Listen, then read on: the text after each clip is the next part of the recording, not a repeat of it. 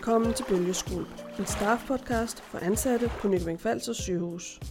Jeg hedder Therese Andersen, og jeg er uddannelseskonsulent og med i redaktionsgruppen i denne podcast. I dag skal vi lytte til en podcast omkring ernæring og ernæringsscreening. Det skal vi gøre sammen med to diætister fra medicinsk afdeling, og de vil sammen føre jer igennem et patientforløb omkring en af de patienter, som de havde i medicinsk afdeling. Så lad os sammen svømme med på lydbølgernes skvulp og høre deres historie.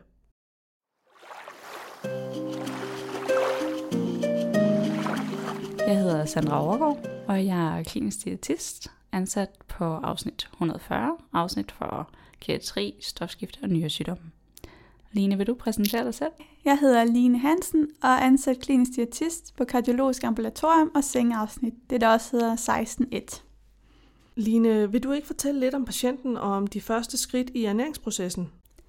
Ja, det var som sagt en patient, der blev indlagt på afdeling 140 med respirationsinsufficiens og var kendt med følgende sygdomme, kronisk pankreatit, diabetes og kold, og det er alle sammen sygdomme, som har indflydelse på den her ernæringsindsats, vi skal i gang med. Men det vigtigste for at kunne i gang sætte ernæringsprocessen, det er, at vi starter med at ernæringsscreen patienten. Og ernæringsscreening er et af de vigtigste arbejdsredskaber for os diætister, fordi det er den eneste måde, vi kan identificere de patienter, som er i risiko for, at deres forløb forværres, hvis vi ikke i gang sætter en ernæringsmæssig proces. Der er blandt andet fokus på, om patienterne er småtspisende, og hvilke konsekvenser det har for deres indlæggelsesforløb. Fordi hvis de ikke spiser tilstrækkeligt, så er det blandt andet med til, at de får nedsat funktionsevne, de bliver genindlagt, de får flere sengedage, nedsat livskvalitet og dårligere sårheling. Herudover er ernæringsscreening også et rigtig vigtigt arbejdsredskab for at kunne identificere risikoen for refeeding-syndrom. Det næste, vi så starter med normalt, det er at opstarte kostvæskeregistrering, for at egentlig få et billede af, hvor meget patienterne spiser, om de opnår et sufficient indtag af energi og protein. I vores patientcase var der ikke behov for kostvæskeregistrering, da patienten blev vurderet til minus BO's af ergoterapeuterne, og der blev anlagt nasogastrisk sonde. Herefter henvises til klinisk diætist. Tak for det, Line. Nu har vi hørt lidt om det første skridt i ernæringsprocessen. Sandra, vil du ikke fortælle lidt om, hvad det næste skridt i ernæringsprocessen er for den her patient? Det vil jeg rigtig gerne fortælle lidt om. Det første skridt, som vi tager i ernæringsprocessen for den patient, det er, at vi går ind og laver en behovsudregning.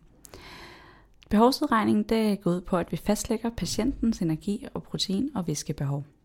Som udgangspunkt så fastlægger vi energibehovet efter en standardformel, der hedder Harris Benedict. Og herefter så tillægger vi en aktivitetsfaktor og en stressfaktor, fordi at vi gerne vil til gode se den her øgede energiomsætning, som der vi ved, der er en katabol tilstand. Vi skal være opmærksomme på, når vi går i gang med at opernære, og vi går i gang med at opstarte på sondernæring, at vi ikke overnærer patienterne, fordi det er ikke til gavn for hverken patienten eller sygdomsforløbet. Lige i forhold til vores patientcase, så øgede vi energibehovet med 20%.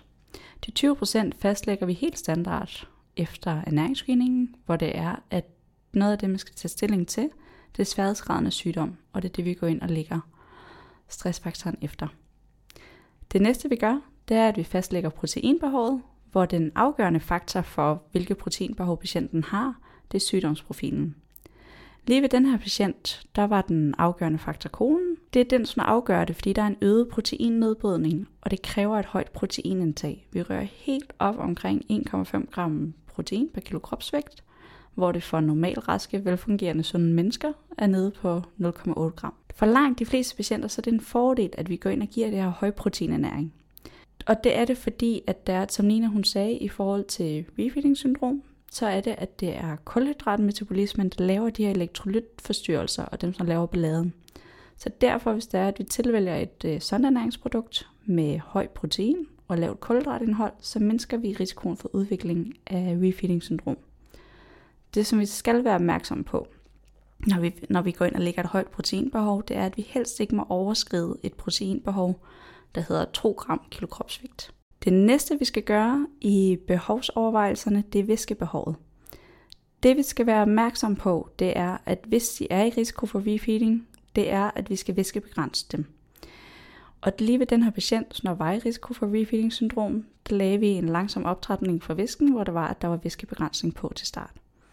Og det er simpelthen fordi, at den yderste konsekvens af refeeding syndrom, det er udvikling af en dømer, og at det er, at man går i hjertestop simpelthen.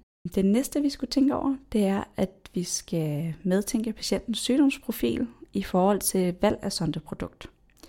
Her der var det, at vi tænkte, at patienten havde, var kendt med kronisk pankreatit, og derfor så tilvalgte jeg det sondernæringsprodukt, der hedder Peptamin AF. Og grunden til, at jeg valgte det produkt, det er fordi, det er spaltet, og det har et stort indhold af MCT-fedt, og det er enormt hensigtsmæssigt for de her pankreatitpatienter, fordi de ikke har tilstrækkelig enzymaktivitet af blandt andet lipase, og de derfor ikke kan spalte de langkædede fedtsyre, der ellers er at finde i andre sondernæringsprodukter. Hvis vi havde tilvalgt et andet sondernæringsprodukt, så ville det resultere i steatoré og manglende absorption af næringsstoffer og vitaminer. En stor del af de næringsstoffer, der er i peptamin, det optager vi uden fordøjelsesenzymerne fra busvitkirtlen, fordi, at der netop, fordi det netop består af de her MCT-fedtkæder. Øh, men det anbefales, at vi substituerer med kreon alligevel inden hver sondindgift. Og det er enormt vigtigt, at vi tjekker, at kreonen ligger samtidig med, at vi indgiver sondernæringen på de rigtige tidspunkter, fordi det skal indgives lige inden sondernæringen. Den her patient, som Line snakkede om, også kendt med diabetes, og patienten var i behandling med både basal og bolusinsulin. Når vi så kører sondernæringen op, så kører vi ofte op over 4-5 dage. Og i den periode, der skal vi være opmærksom på, at vi gradvist øger kulhydrattilførselen i takt med opernæringsfasen. Og derfor så vil norapidengiften også øges i opernæringsfasen. Så når vi går ind og øger sondernæring over de her 4-5 dage, øger vi kulhydrattilførselen, som også vil kræve, at, der, at vi er opmærksom på, hvordan ligger blodsukkerprofilerne sig, og om vi skal øge norapidmængden samtidig med sondernæringsindgiften. Det sidste skridt for lige den her patient, det var, at vi opstarter B-kombin og tiaminbehandling. Og det gør vi simpelthen, fordi at tiamin er et vandopløseligt B1-vitamin, og vi kan derfor ikke lære det i kroppen. Hvis det er, at patienterne kommer ind med et nedsat kostindtag over længere tid, så kan det have fatale konsekvenser, at vi opstarter næring uden sikring af tilskud for tiamin, fordi at det indgår som et koenzym i glukoseomsætningen i hjernen, og ved tiaminmangel og kulhydrattilførsel samtidig, så vil vi i stedet for at omsætte kulhydraterne, omdanne skadelige metabolitter, som der til sidst kan medføre Wernicke syndrom. Og derfor har vi sådan et forsigtighedsprincip, der altid siger, at ved risiko for refeeding syndrom, skal vi altid opstarte i B-kombin og tiaminbehandling. Det synes jeg var interessant, Sandra, det der du sagde. Men Line, kan du ikke prøve at fortælle mig, hvad det så er, der sker, når det er, at I begynder at opernære patienten bagefter? Når vi begynder at opernære patienten, og patienten blandt andet er kendt med diabetes, vil blodsukkeret begynde at stige, fordi sondemåltiderne øges, og herved øges kulhydratmængden samtidig. Og samtidig er det også en patient, som er i risiko for refeeding, og som følge af det, så vil blodsukkeret også begynde at stige, da insulinsekretionen stiger. Og her er det vigtigt, at vi har et tæt samarbejde med læge og sygeplejerske, for hele tiden at kunne justere insulinmængden, både basal og bolusindgiften, så den passer til den enkelte patients behov. I casen begynder fosfat at falde, når vi begynder at nære, som tidligere nævnt. Her er det vigtigt at begynde at give fosfattilskud. Og i dette tilfælde gav, gav vi fosfatmixtur. Senere i forløbet faldt fosfat yderligere, og her er det vigtigt, at vi øger i mængden af tilskud, da vi ikke skal stoppe ernæringen. Patienten er kendt med diabetes, og som Sandra nævnte, er det vigtigt hele tiden at justere i insulinindgiften. Og her bruger vi de principper, der anvendes i kulhydrattælling, blandt andet beregning af insulinfølsomhed og kulhydrat-insulin-ratio. Så skete der det, at der kom en ny ergovurdering på patienten, og patienten blev vurderet til at måtte indtage per os. Og når patienten begynder at måtte indtage per os, så er det vigtigt, at vi får justeret i sondeernæringen, så det passer til det, patienten kan spise. Så her valgte vi at nedjustere fra 5 til 3 måltider, og der blev aftalt to faste måltider med patienten, hvor der blev regnet på mængden af kulhydrater, for at vi kunne dosere mængden af norapid.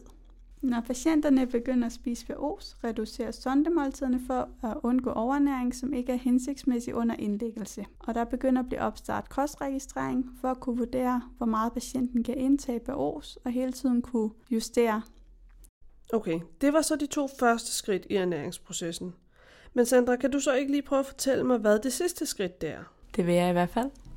Det sidste skridt i ernæringsprocessen, det er, at vi skal lave en god udskrivelsesplan. Og det er simpelthen så vigtigt, at vi har fokus på det, og vi arbejder enormt aktivt med det ude på afdelingerne. Lige for tiden, at når vi opstarter en ernæringsbehandling, så sørger vi for at udskrive med en ernæringsplan.